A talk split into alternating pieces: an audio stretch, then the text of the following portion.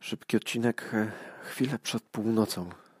Znaczy, jak zaczynam to nagrywać jest 23.37. E, ciekaw jestem, czy zdążę to opublikować e, przed północą. Myślę, że tak. Ale to nie ma znaczenia. Stwierdziłem, że chciałbym to nagrać dzisiaj, bo dzisiaj właśnie mija 30 lat, odkąd odszedł Freddie Mercury. I normalnie opowiedziałbym o tym e, w swoim e, jakimś kolejnym wydaniu muzycznego punktu słyszenia, ale no, zawiesiłem te muzyczne projekty na chwilę.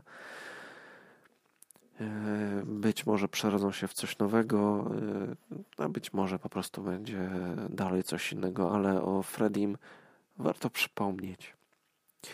Ja dzisiaj przypomniałem sobie ten słynny 20-minutowy e, koncert z Wembley.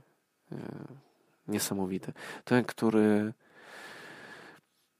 pojawia się na końcu filmu Bohemian Rhapsody.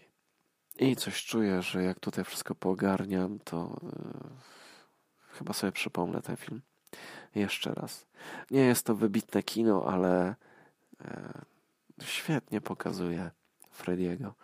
I jest to taki jest to hołd dla niego.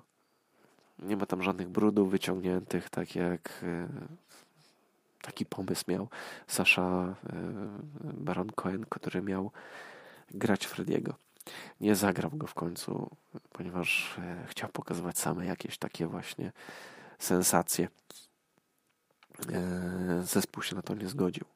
Więc jest to taki wyidealizowany portret, można powiedzieć, filmowy Frediego Mercury, ale, ale fantastyczny. I myślę, że wiele osób właśnie takiego Frediego chce pamiętać. Dlatego ja dzisiaj e, znów obejrzałem i wysłuchałem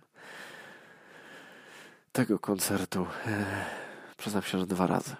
20 minut to za mało, więc e, skończył się nagle, więc przewinąłem do początku kliknąłem do początku i posłuchałem całości jeszcze raz. W muzycznym punkcie słyszenia z całą pewnością e, Queen byłby w kąciku winylowym. Chociaż jestem strasznie zawiedziony, bo mam taki winyl, taki tam Greatest Hits czy coś tam. Taki album e, dwupłytowy.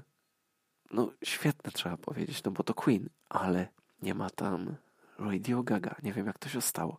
Jak to jest możliwe, że Radio Gaga nie ma na tej składance? A przecież na tym e, najsłynniejszym, krótkim koncercie Queen e, Radio Gaga pojawia się zaraz po Bohemian Rhapsody.